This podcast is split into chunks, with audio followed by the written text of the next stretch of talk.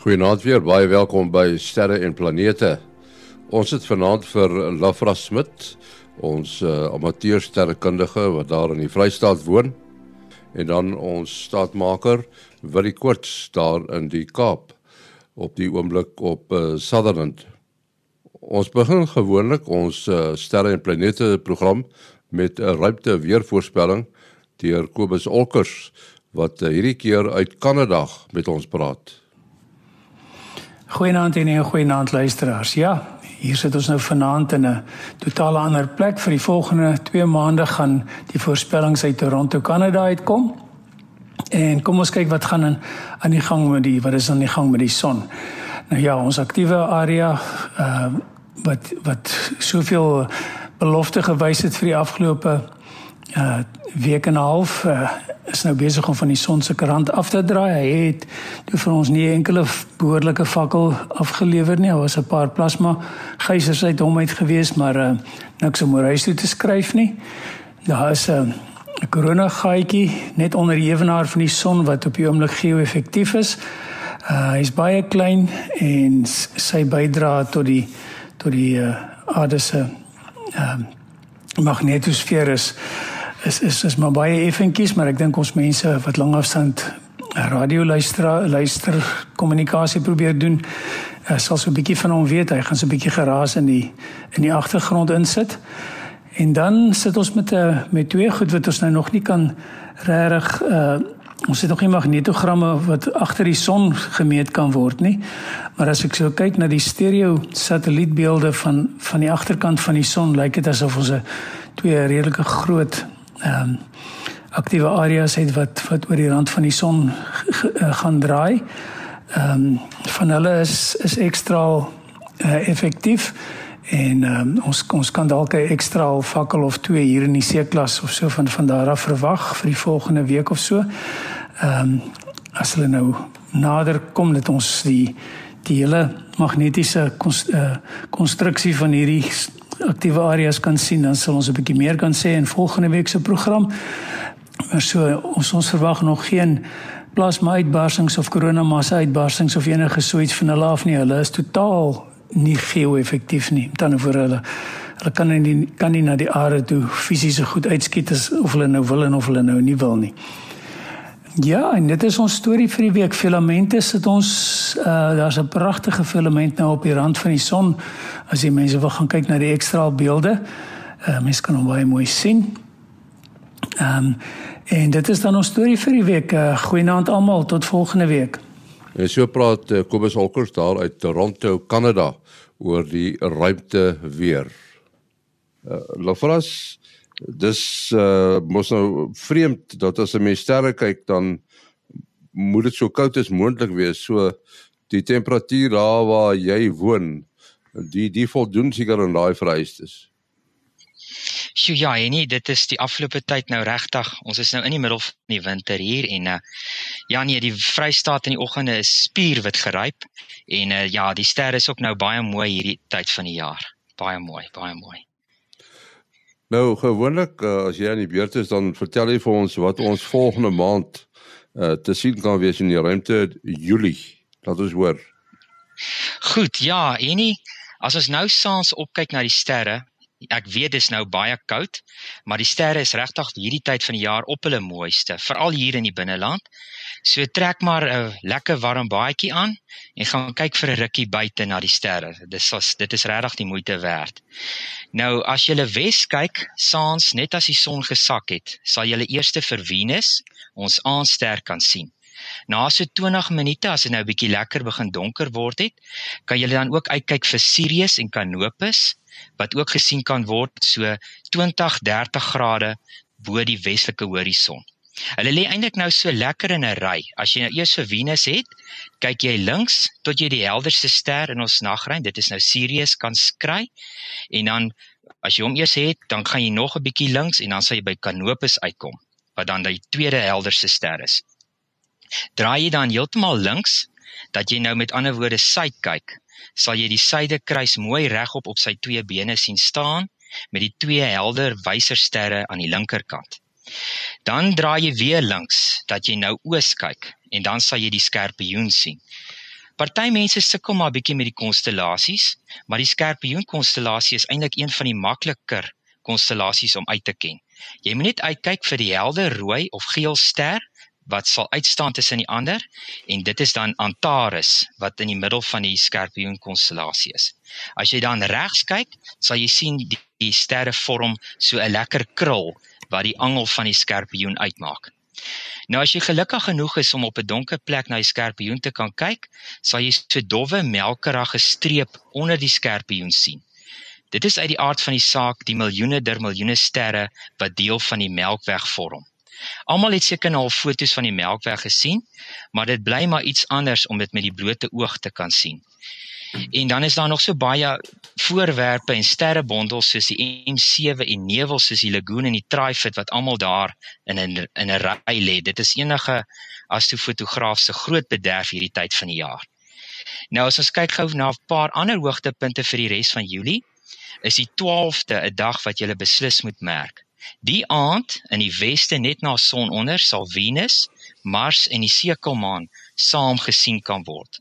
Dit sal regtig 'n beslis 'n baie mooi foto maak. Saturnus en Jupiter kom al vroeg in die ooste op, net so hier na 7, 8 uur in die aande. Saturnus gaan uh vroeg volgende maand in oppositie wees. So hy hy's dit kom al baie vroeg op. Saturnus kom eerste op en dan gevolg deur Jupiter wat baie helderder is. En dan volmaan is die 24ste en joh, is daar nou nie 'n beter naam vir Julie se volmaan as die meerkatmaan nie.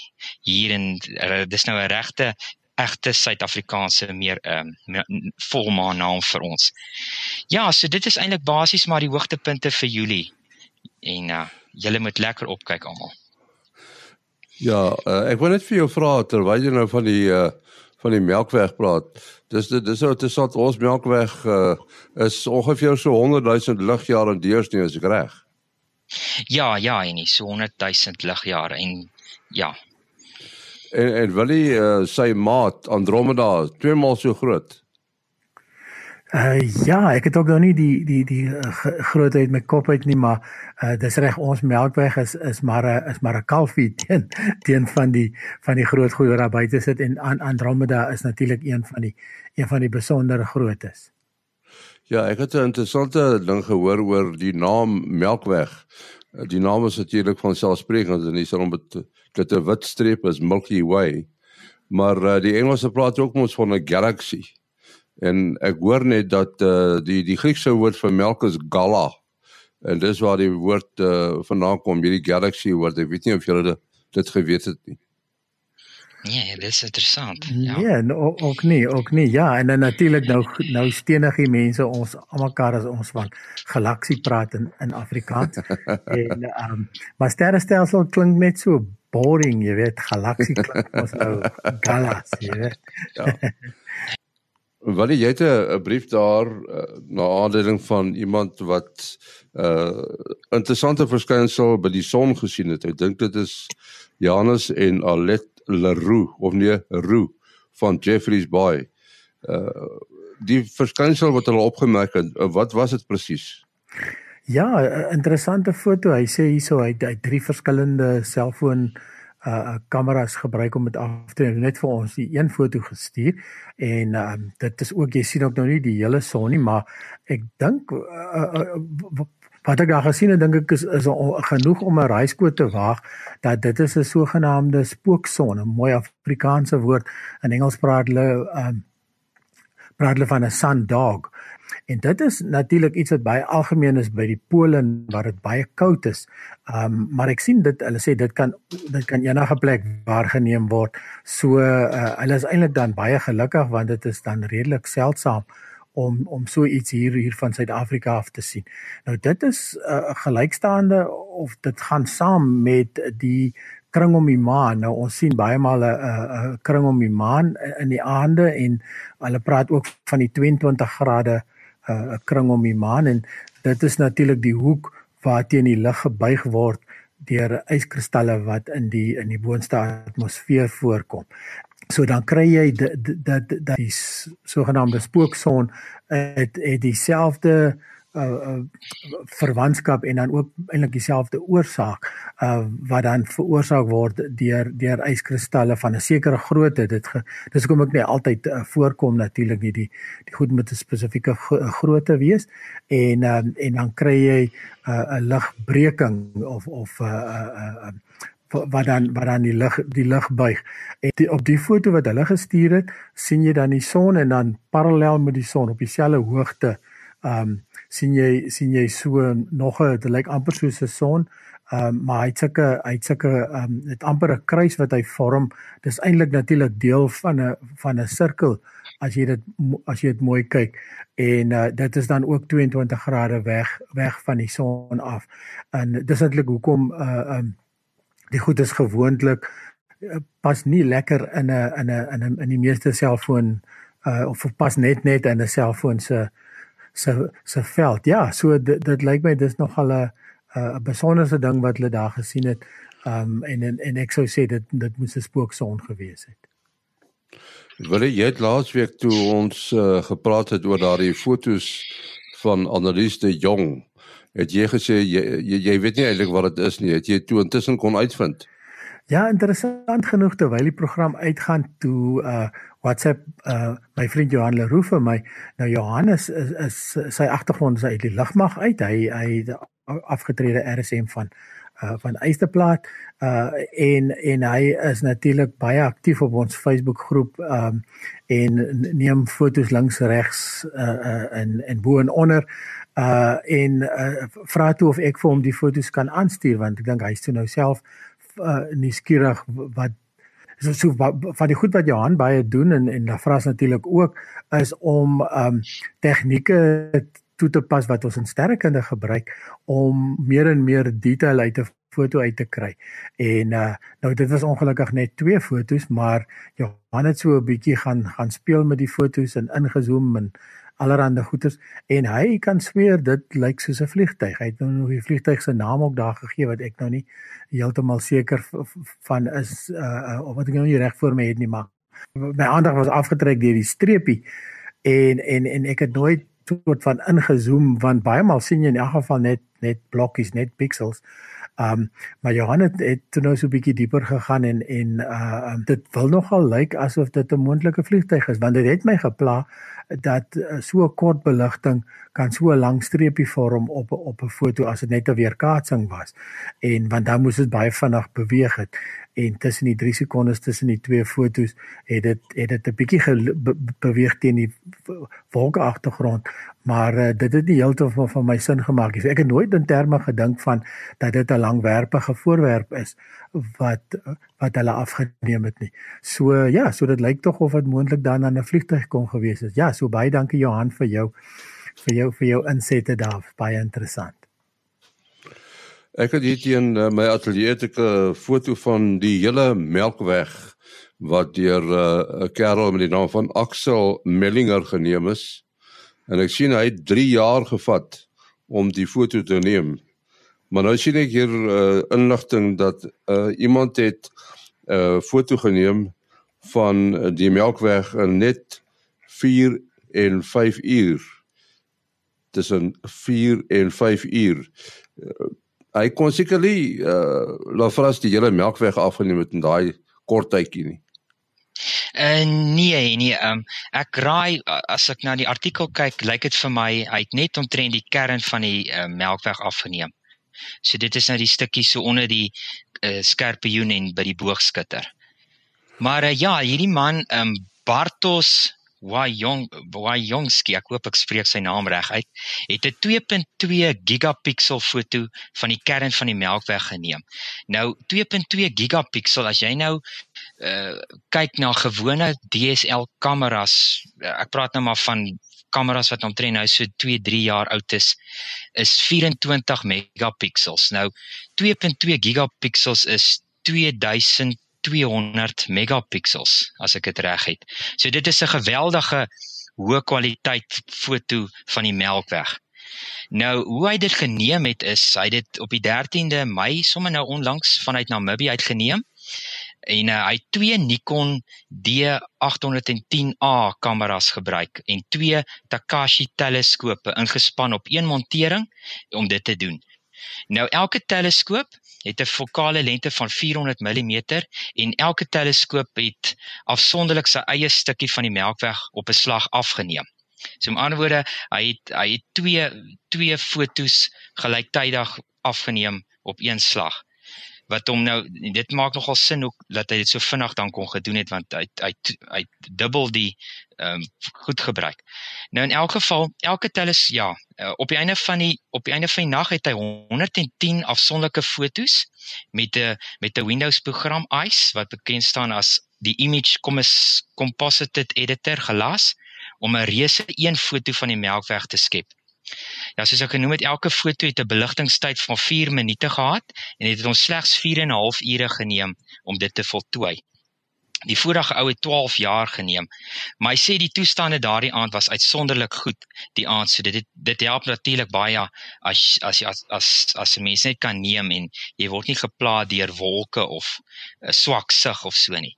Ja, die toerusting kos omtrent 25000 dollar. So dit is nogal 'n relatiewe klomp geld. Maar wat nou interessant is is hy omdat hy nou 'n DSL kamera gebruik het, ek weet ook hy, hy sê niks hierso dat hy fotos ge, uh, gestapel het nie. So met ander woorde, ek neem aan hy het hy het 'n 4 minute foto ge, ge, gevat en dan het hy aanbeweeg na 'n volgende stukkie van die Melkweg. En uh omdat hy 'n DSL kamera gebruik het, hoef hy ook nie soos wat ander astrofotograwe uh, hy moet filters nie gebruik en dan moet hy dit later nou stapel dat die kleur deurkom. So met 'n DSLR kamera neem jy net een foto en en jy gaan aan, die kleur is klaar by. So dit is regtig nogal baie goed gedoen. Ja, dis 'n klomp data om te verwerk in elk geval. Jy moet genoeg geheue hê, né? Jo, ja, dit ek weet nie met watse rekenaar het hy dit gedoen nie want ek ek het iewers gelees dit was iets soos 13 gigabytes wat die foto uh uit bestaan. So dit is 'n verskriklike, dit is 'n verskriklike groot foto. Terwyl jy aan die praat is, uh, Lafras, uh, ons sien baie van jou fotos op die uh, Facebook groep en ehm um, ek wil net uh, jy moet 'n bietjie praat oor sogenaamde diep ruim fotografie. Jy het nou al 'n paar van die die terminologie gebruik. Jy weet so stapel en so voorts. Uh dit dit is is dit 'n gewone kamera wat jy gebruik op die teleskoop of die teleskoop self? Wat dit basies behels is ehm um, jy haal die oogstukke en al die goed van die teleskoop af en dan koppel jy jou jou kamera direk aan die teleskoop. So dit is maar net soos wat die tel, die kamera kry nou net 'n groot lens wat hy aan wat aan hom gekoppel word. En uh, ja, dan neem jy nou deur sy primêre fokus neem jy dan nou die fotos. Wat ook baie belangrik is is om 'n goeie montering te hê waarop jy jou jou teleskoop of jou lens kan opsit as jy nou die sterre afneem um, want jy wil hê die sterre moet rond wees in jou fotos en nie strepe hê nie. So eintlik is dit die belangrikste as dit kom by astrofotografie is om 'n baie stewige driepoot te hê waarmee jy die waarmee jy kan afneem. En ag ja, dan al wat 'n mens dan is dan doen is om maar soveel as moontlik fotos te neem van wat jy afneem, want dat jy dit later op mekaar kan stapel, dat jou jou die die foto wat jy op die einde van die dag neem net van al hoe meer beter kwaliteit kan wees. En uh, ja, dit is eintlik maar basies dit. Dit is dit is uh, baie as jy as jy doen is dit eintlik baie eenvoudig en ja, maklik. As jy as jy van stapel praat, het jy spesiale sagte ware nodig. Ja, ag mens mens het verskeie ja, daar is verskeie programme wat 'n mens gebruik wat nou maar net die fotos op mekaar stapel en dan sodat jou die geraas in jou fotos en al die grein verminder word en laat jou foto op die einde van die dag nou mooi uh, uh, glad vertoon. Ek ek dink uh, een van die groot vrae wat mense vra is natuurlik jou beligtingstyd. Hoe belangrik is dit?